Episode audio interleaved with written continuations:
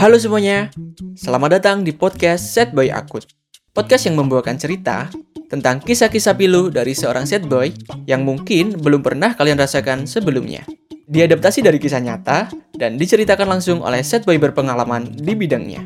Set boy yang memiliki segudang prestasi, di antaranya 6 kali diputusin, satu kali mutusin, 8 kali diselingkuhin, 4 kali ditolak, dan dua kali dibilang Kamu terlalu baik buat aku.